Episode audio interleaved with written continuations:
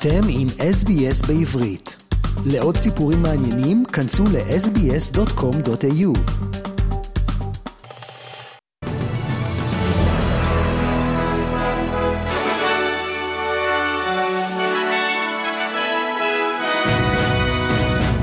חדר החדשות של SBS והרי הכותרות והלחימה בעזה עם המבצע מגן וחץ והפסקת אש שנכנסה לתוקף החל מיום שבת בלילה. ולטורקיה רג'אב טאיפ ארדואן ויריבו בקרב על נשיאות טורקיה לקראת הבחירות הגורליות שמתקיימות ביום ראשון והטורקים יבחרו את נשיא ואת חברי הפרלמנט. ולאירוויזיון הזוכה הגדולה היא שוודיה עם הזמרת לורין. השיר הישראלי הגיע למקום השלישי והמכובד.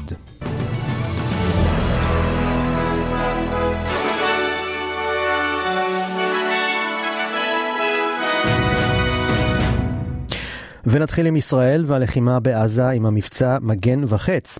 הפסקת אש נכנסה לתוקף החל מיום שבת בלילה. המבצע החל ביום שלישי בשבוע שעבר, כאשר צה"ל חיסל במכת הפתיחה שלושה בכירים בג'יהאד האיסלאמי. בעקבות המבצע, שר הביטחון יואב גלנט הודיע על מצב מיוחד בעורף ואישר גיוס מילואים לתפקידים נדרשים בהתאם לצרכים. התקיפות נמשכו גם לאחר מכת הפתיחה הראשונית, שבה חוסלו הבכירים. מטוסי ומסוקי קרב של צה"ל תקפו אתרים לייצור אמצעי לחימה, בהם סדנאות לייצור רקטות בח'אן יונס, וכן אתר אשר שימש גם לייצור רכיבי בטון ששימשו לבניית מנהרות טרור. כמו כן הותקפו שישה מתחמים צבאיים של הג'יהאד האיסלאמי, רובם שימשו כמחסני אמצעי לחימה וכתשתיות לוגיסטיות של הארגון. בנוסף הותקפה עמדה צבאית של הג'יהאד בדרום הרצועה. הפלסטינים דיווחו גם על ירי פגזים מהים. לפי הנתונים שפרסם צה"ל, שוגרו מתחילת המבצע 1,234 רקטות ופצצות מרגמה לשטח ישראל.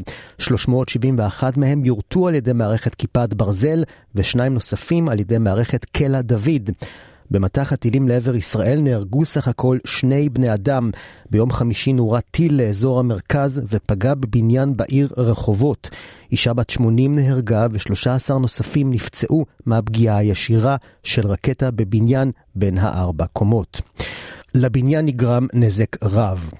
באותה שעה נורו עשרות רבות של רקטות נוספות שגרמו לנזקים ולנפגעים גם באזורים אחרים. ההרוג השני הוא עבדאללה אבו גב, בן 34 מעזה.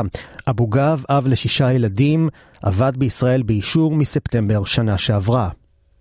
הוא נהרג מהרקטה שפגעה בחממה באזור שוגדה שבמועצה האזורית שדות נגב. אחיו חמד, בן 39 ואף לשמונה ילדים, נפצע קשה ואושפז בבית החולים סורוקה בבאר שבע. ראש הממשלה בנימין נתניהו ושר הביטחון יואב גלנט מסרו הצהרה שברקע הדיווחים על הפסקת האש ההולכת ונרקמת בין ישראל לג'יהאד האיסלאמי. נתניהו העביר מסר ברור כשאמר שכל מי שפוגע בישראל דמו בראשו, ושצה"ל רואה את המחבלים ושולחיהם בכל מקום. ואני רוצה לחזור ולומר, כל מי שפוגע בנו, כל מי ששולח טרור נגדנו, דמו בראשו. העיקרון הזה, שכל מי שפוגע בנו, מנסה לפגוע בנו, דמו בראשו, קיבל חיזוק מאוד משמעותי במבצע מגן וחץ. הפיתוח של יכולות מודיעיניות חדשות והפיתוח המקביל של יכולות מבצעיות חדשות, בשילוב היוזמה שלנו, מייצרים משוואה חדשה. אנחנו אומרים למחבלים ולשולחיהם, אנחנו רואים אתכם בכל מקום, אתם לא יכולים להתחבא, ואנחנו בוחרים את המקום ואת הזמן לפגוע בכם. אנחנו ולא אתם. גם ברגיעה. הבחירה שלנו. דבריו של ראש הממשלה בנימין נתניהו. מספר השיגורים הכושלים מעזה נחשב לגבוה מאוד, וכמה מהם, וזאת גם הודו ברצועה, גרמו למותם של פלסטינים, ובהם ילדה בת 10 ונער בן 16. בסך הכל נהרגו בעזה 33 בני אדם במהלך המבצע, ובהם שישה בכירים בג'יהאד האיסלאמי. הפסקת האש כאמור נכנסה לתוקף ביום שבת ב-10 בלילה, אמנם גם אחריה נורתה אש מעזה ליישובי העוטף וצה"ל תקף משגרי רקטות, אבל לפחות בינתיים נראה שהמבצע אכן תם. ונעבור לחדשות מהעולם ולטורקיה. רג'יב טאיפ ארדואן ויריבו בקרב על נשיאות טורקיה.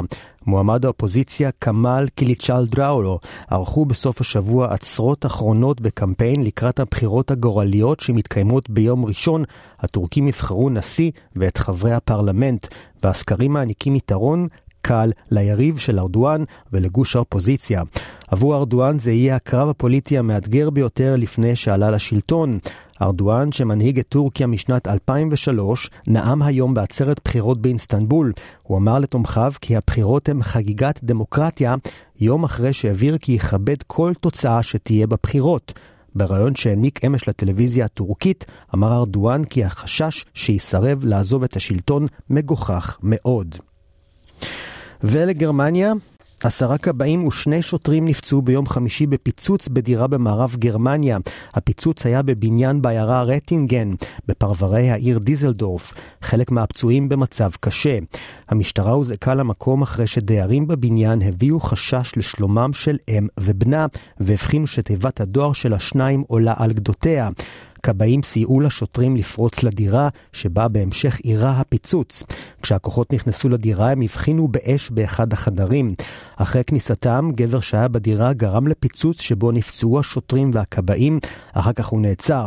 לפי הדיווחים, העצור בן 57. באירוע אחר בגרמניה נורו למוות שני בני אדם במפעל של מרצדס בנץ בדרום מערב המדינה. הירי היה בעיר סמוכה לשטוטגרד, במפעל של יצרנית הרכב שבו עובדים כ-35 אלף בני אדם. המשטרה הוזעקה למפעל בסביבות שבע וחצי בבוקר. מאבטחים במקום השתלטו על היורה, גבר בן 53, והעבירו אותו לידי השוטרים.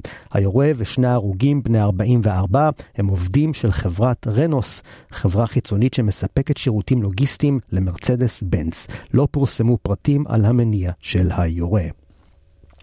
ונעבור לתחרות האירוויזיון שהתקיימה בליברפול, והזוכה הגדולה היא שוודיה, עם הזמרת לורין שניצחה והפכה לזוכה השנייה בתולדות התחרות שזכתה בה פעמיים.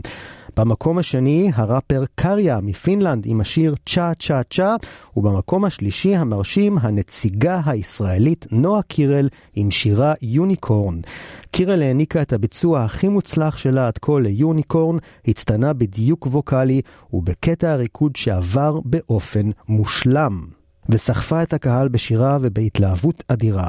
בתום הביצוע קירל פרצה בבכי וריגשה את הקהל בבית ובאולם.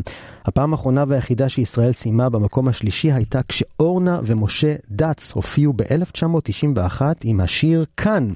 מזל טוב לנועה קירל והגעתה למקום השלישי.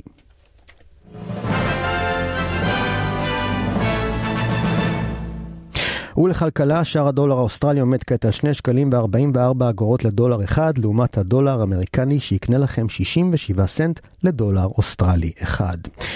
ומזג האוויר לסיום, היום ה-14 במאי, הטמפרטורות יהיו נוחות ברוב חלקי המדינה, סידני עם 21 מעלות אך גשום, מלבורן עם 20 מעלות ובהיר, בריסבן עם 23 מעלות וסיכויים לגשם במשך היום, פרת עם 21 מעלות ובהיר, אדלייד עם 23 מעלות ובהיר, קנברה עם 18 מעלות ובהיר ודרווין עם 33 מעלות ובהיר.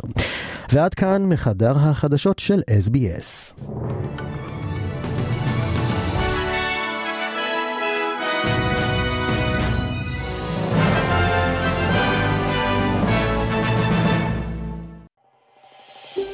רוצים לשמוע עוד סיפורים?